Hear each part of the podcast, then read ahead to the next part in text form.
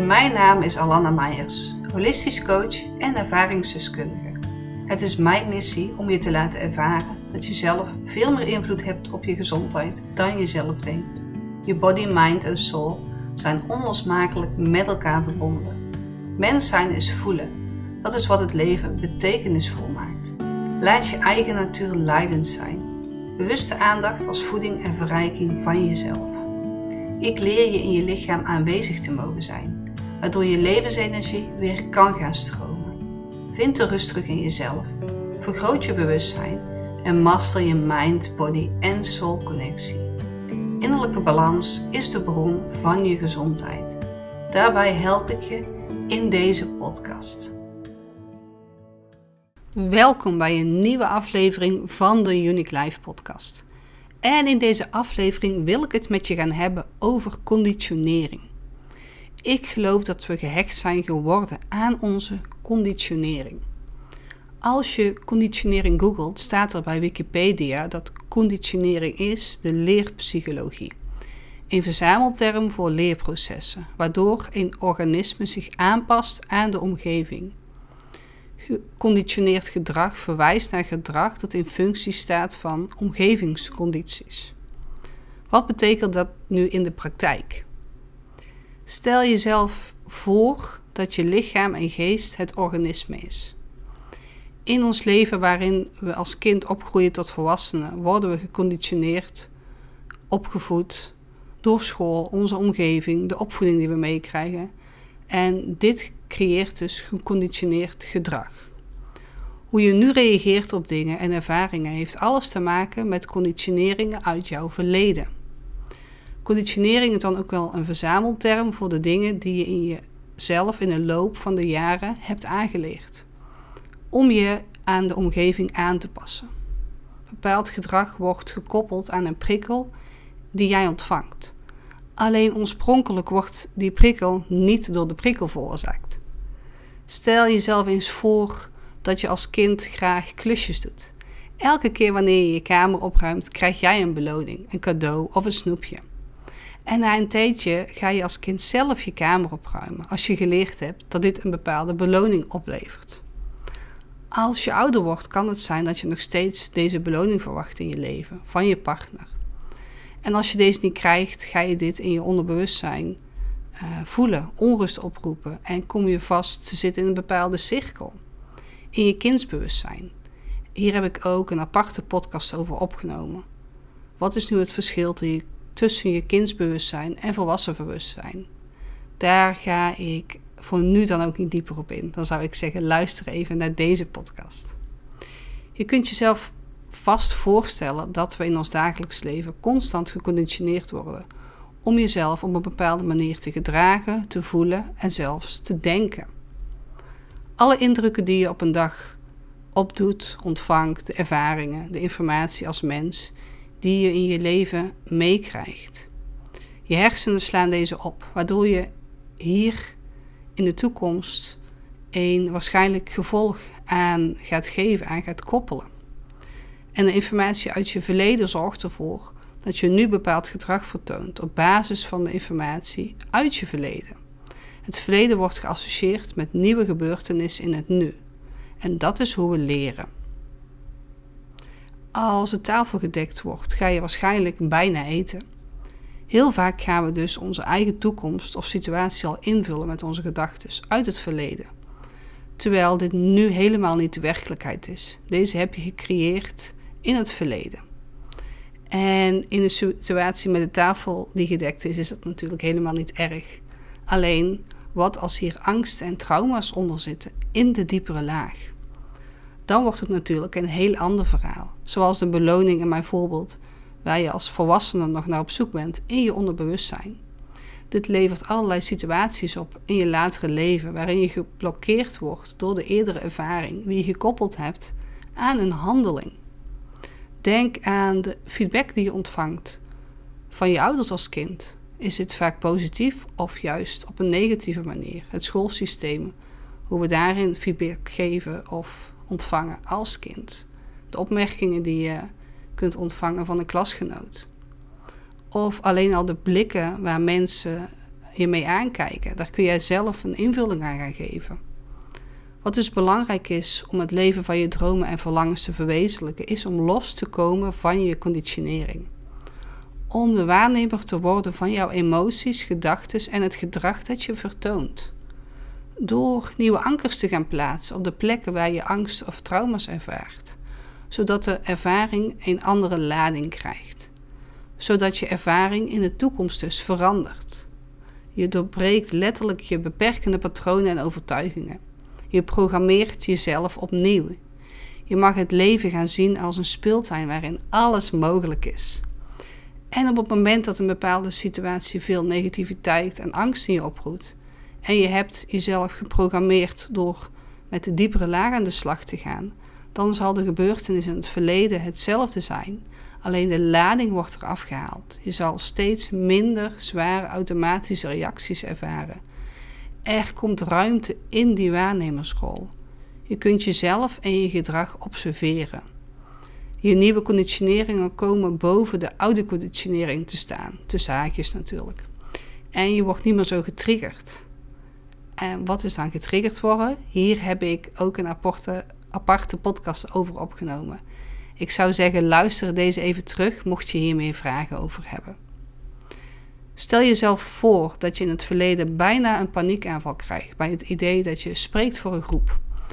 Op het moment dat je hier een andere ervaring overheen zet als het ware, komt er in plaats van de paniek een fijnere en rustgevende energie en emoties bij kijken.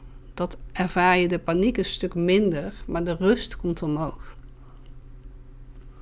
Ik noem even dit voorbeeld omdat ik zelf afgelopen week bij een sprekersevent ben geweest en mezelf hierin steeds meer aan het trainen ben.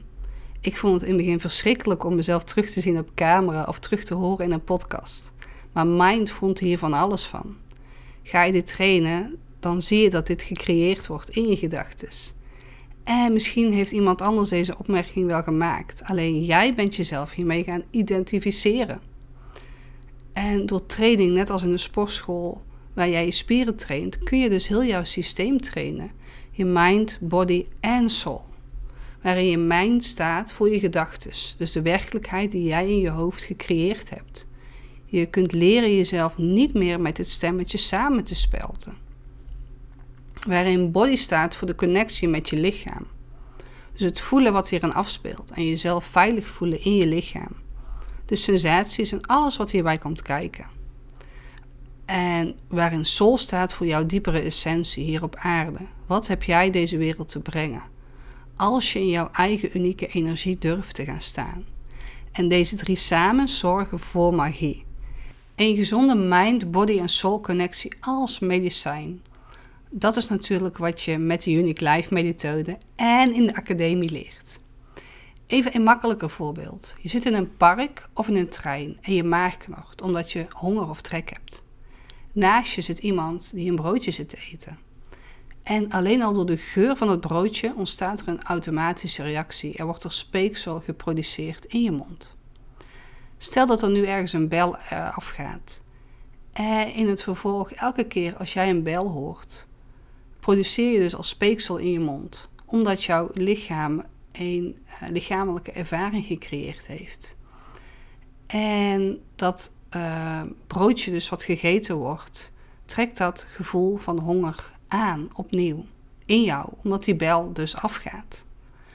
Of bij het horen van een kraan of een waterval, dat je ineens zelf naar de wc hebt te gaan.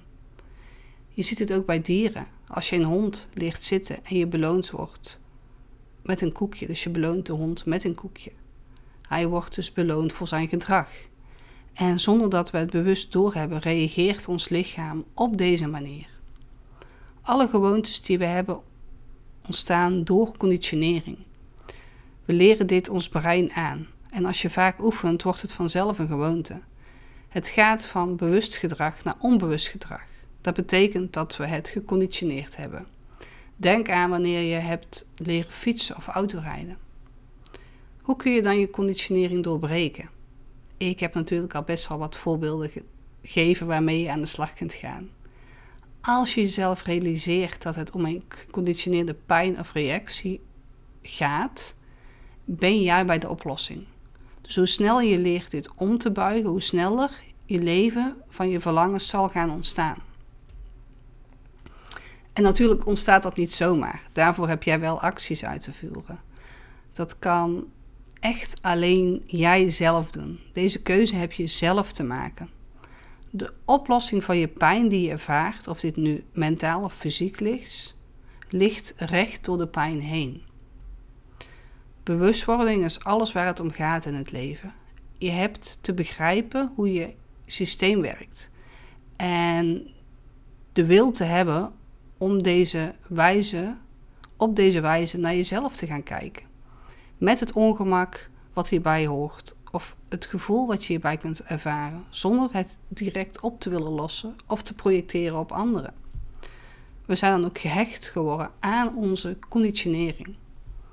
Als je bij je buurvrouw of man of buurvrouw was opgevoed, zou je leven er nu heel anders uitzien. De woorden die je gebruikt, onze taal, tot het gedrag dat we daadwerkelijk vertonen en laten zien. Hoe vaak zeg jij iets echt, iets authentieks uit jouw diepere zijn? Zijn het wel je eigen woorden en gedachten, of heb je deze overgenomen van anderen? Is het weten wel werkelijk zo belangrijk als wij dat in het leven maken? Als je kijkt naar tien jaar geleden, dacht je waarschijnlijk dat je alle wijsheid in pacht had. Hoe ervaar je dat nu? Veel mensen die ik zie dagelijks in het leven of in contact met mijn cliënten, vertrouwen dus ook enkel op nog op het verleden, wat ze hierin geleerd hebben. Door deze conditionering te vertrouwen, leef je dus in een blokkade, in een toestand van stilstand of achteruitgang misschien zelfs wel. Ze vergeten gewoon letterlijk om op hun eigen ervaringen en innerlijk weten te vertrouwen en vertrouwen enkel op wat ze horen van anderen. Hiermee vergeet je dat er meer is alleen als alleen het fysieke zijn. Je vergeet ons hart, ons lichaam, onze ziel, onze fantasie en onze creativiteit. We zijn meer als ons brein. We hebben ons persoonlijke referentiekader los te laten, dus het verleden. En dat is spannend en eng in het begin. Je hebt comfortabel te worden met het oncomfortabele, zodat je steeds meer ervaring opdoet en ziet en ervaart dat de werkelijkheid die je gecreëerd hebt met je mind niet kloppend is. Gedragaanpassingen, en dat is een leerproces, waardoor je gedragsbeïnvloeding toepast in je dagelijks leven. Je creëert nieuwe patronen en overtuigingen voor jezelf, nieuwe gewoontes die het leven mogelijk maken van jouw verlangens. Je oogst wat je zaait en wat je aandacht geeft groeit. Wat wil jij dat er groeit in je leven? Welk verlangen heb je nu nog dat onmogelijk lijkt? Dat is precies waar ik met mijn cliënten aan werk. Ik ben benieuwd naar je verlangen. Deel het met mij of plan je call in en we kijken samen naar wat er mogelijk voor jou is. Is het misschien nog een stap te ver voor je? Kom naar het Joy of Life event, waarin we met adem- en energiewerk praktisch aan de slag gaan zodat je zelf gaat ervaren wat er kan zijn voor je als jij jezelf overgeeft aan je lichaam. Je innerlijk weten en dit praktisch gaat vertalen naar je dagelijks leven. In de link van de show notes vind je alle informatie. Voor nu bedankt voor het luisteren. Ik wens je een hele fijne dag of avond. Ligt er natuurlijk aan wanneer jij deze podcast luistert. En ik zou het enorm waarderen als je de podcast deelt in je stories of een 5-sterren review achterlaat. Tag mij even zodat ik je kan bedanken. Ze help je mij meer bereik te creëren en mijn visie over de wereld te verspreiden. Zodat iedereen meer in verbinding gaat leven met zijn mind, body en soul. Tot de volgende keer.